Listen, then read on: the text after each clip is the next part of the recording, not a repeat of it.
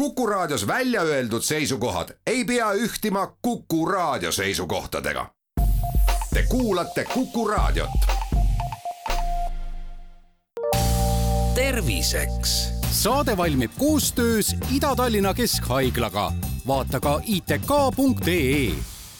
tere, head Kuku kuulajad, eetris on saade Terviseks ja me räägime täna silmade tervisest ja sellest, millistel juhtudel on vaja silmaoperatsioone ja, ja mida nende kohta siis üldse teada võiks. mina olen Ingela Virkus ja koos minuga on stuudios Ida-Tallinna Keskhaigla silmaarst Reili Rebane, tere! tere! Milline on eestlaste silmade tervis, kui me alustame natukene üldisemalt? ma arvan, et eestlaste silmade tervis on selline, nagu ta on enamikes arenenud riikides, et eestlaste silmade tervis ei erine oluliselt naaberriikide patsientidest. millised on siis need levinumad kaebused, millega silmaarsti juurde juba jõutakse? Kõige sagedasem kaebus, äh, mis nii-öelda tuuakse ka kirjanduse järgi välja, on tegelikult äh, kuivast silmast tingitud kaebused, et ligikaudu kolmkümmend protsenti meie patsientidest äh, pöördub kipitavate, kraapivate silmadega, mis jooksevad õues vett, et see kuiva silma sündroom on hästi aktuaalne. et praegusel kütteperioodil ka annab see hästi märku, et et, et selline jah, kuiva silmakaebus on number üks. et suures haiglas töötades loomulikult on meil tegelikult äh, suurem osa patsiente saatekirjaga, ehk siis nad on suunatud kõrgemasse etappi ühe konkreetse probleemiga, tihtipeale just nimelt kirurgiliseks raviks, ehk siis nad on nii-öelda eelnevalt äh, üle vaadatud äh, teise kolleegi poolt, kes siis suunabki konkreetseks siis uuringuteks või operatsiooniks kas näiteks see kuiva silma probleem, kas see on üldse silmaarsti ampluaa või, või mis, kus need piirid jooksevad, et millal tegeleb patsiendiga silmaarst, millal peaks või piisaks näiteks ainult optometristist mõnes prillipoes või saaks selle probleemi lahendamisega hakkama ka hoopis perearst mm? -hmm. väga hea küsimus, et äh, tegelikult kuna kuiv silm on niivõrd sage meie ühiskonnas üldse arenenud riikides, kus inimesed äh, viibivad palju tubastes tingimustes, et tegelikult patsient võib alustada apteegist. on tõesti palju tehtud teavitustööd, perearstid oskavad suunata tõesti ka optometristid annavad nõu, kes neid patsiente näevad, aga võti on patsiendi käes, et äh, alustada tuleb apteegist, niisutavad tilgad, kindlasti oma keskkonnafaktorid üle vaadata, et mis on see, mis soodustab seda kuiva silma sümptomaatikat, et äh, pausid teha lähitöös, rohkem õues viibida, et äh, patsient on see, kes tegelikult ennast ise algselt aidata saab kohe, et jälgida õhuniiskust toas ja, ja pilgutada sagedamini, et et ma arvan, et see teavitustöö on tehtud palju ja see on, see on tegelikult kahjuks käib tänapäeva ühiskonna juurde, et me, meil seda kuiva silma nii palju on, aga lihtsalt tuleb sellega tegeleda Teie täpsemad valdkonnad on siis näiteks laugude kirurgia, pisarateede haigused, müoopia ehk lühinägevus ning neurooftalmoloogia, mida see tähendab? see on jah, selline keeruline ja huvitav, huvitav valdkond oftalmoloogias, et ähm, see tähendab tegelikult lihtsustatuna seda, et me teeme väga palju tööd, koostööd neuroloogidega. et äh, silm vaatab, aju näeb, et tegelikult äh, aju ja silm teevad niivõrd tihedat koostööd, et äh, nii-öelda ajust tingitud äh, ajuhaigused avalduvad silmasümptomitega ja, ja tegelikult nii-öelda silmaarst saab anda diagnostiliselt toetada neuroloogi tööd ja, ja vastupidi, et kui näiteks tekib ütleme siin spetsiifilised haigused välja tuues, näiteks skleroosis multiplex või siis insuldijärgsed nägemisprobleemid, siis silmaarst saab aidata nende haiguste nagu rehabilitatsiooniga, et näiteks kui tekib toon lihtsalt näite, et näiteks insuldi järgselt tekib äh, kõrtsilmsus või topeltnägemine, et siis silmaarst saab aidata esiteks kindlaks teha, et millise konkreetse probleemiga on tegemist või milline närv on pihta saanud. ja, ja siis on meil olemas sellised head spetsialistid, ortoptistid, kes erinevad siis optometristidest, tegelevadki silmade koostööga, ehk siis näiteks määrata patsiendile prismasid, äh, konkreetsed äh, prillid, mis patsienti aitavad, et selline tihe koostöö neuroloogidega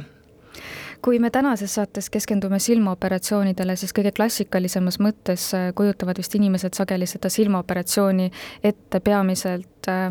kas siis nägemise korrigeerimiseks või selliseks äh, näiteks glaukoomi operatsiooniks, aga mis on veel need põhjused, miks inimesele silmaoperatsioone tehakse või mm -hmm. miks inimene vajab silmaoperatsiooni?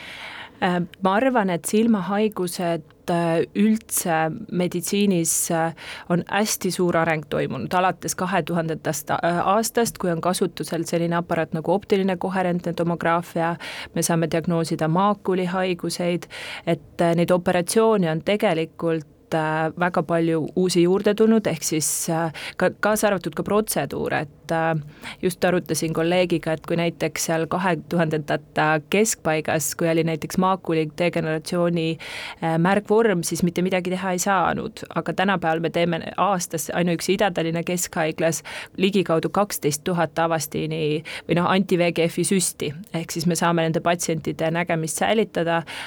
ja, ja harvatel juhtudel ka paremaks teha, et selles mõttes mõttes need äh, süstid äh, tihtipeale sellele operatsioonile ka võib eelneda mingisugune muu protseduur, enne kui me sinna operatsioonini jõuame. aga jah, katarakti operatsioon mahtudest rääkides on hästi sage, et tõesti peaaegu kümme tuhat lõikust aastas tegelikult äh, läbib katarakti operatsiooni, siis glaukoomi operatsioon, mm, sellest rääkides kindlasti pean ütlema, et tilgaravi tänapäeval on neid tilkasid, mida glaukoomi vastu või silmarõhku langetavana kasutada, on ka väga palju erinevaid ja kindlasti ei ole, väga harvadel juhtudel on esmavalik operatsioon, et me ikkagi alati üritame konservatiivsete meetoditega seda rõhku alla tuua, sest igal lõikusel paratamatult iga kirurgiline sekkumine on riskidega seotud, et me alati kaalume neid kasu ja kahju suhteid, et, et selles mõttes tõesti konservatiivne ravitaktika tihti eelneb sellele kirurgilisele.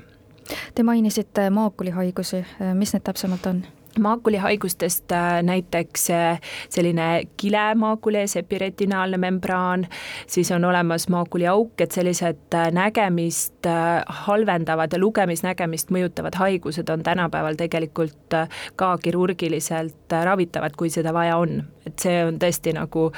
silmahaiguste arengus väga suur samm olnud kes selle otsustab, et inimene vajab äh, operatsiooni, kas äh, nagu te ütlesite, et tihtipeale jõuab teile patsiente ka juba saatekirjaga, et siis perearst, ma eeldan näiteks, ja või... teised silmaarstid mm. -hmm. et äh, loomulikult selles mõttes äh, me arutame kõike läbi patsiendiga, et mis on patsiendi ootused ja mis äh,, mis saame meie selle lõikusega patsiendi jaoks tegelikult teha, et äh, kuna mina tegelen rohkem okuloplastiliste lõikustega, mis puudutab laugusid, siis äh, tõesti, see on patsiendiga alati arutamine, mis patsient arvab, et see lõikus äh, tema jaoks tähendab, et toon lihtsalt näite, et näiteks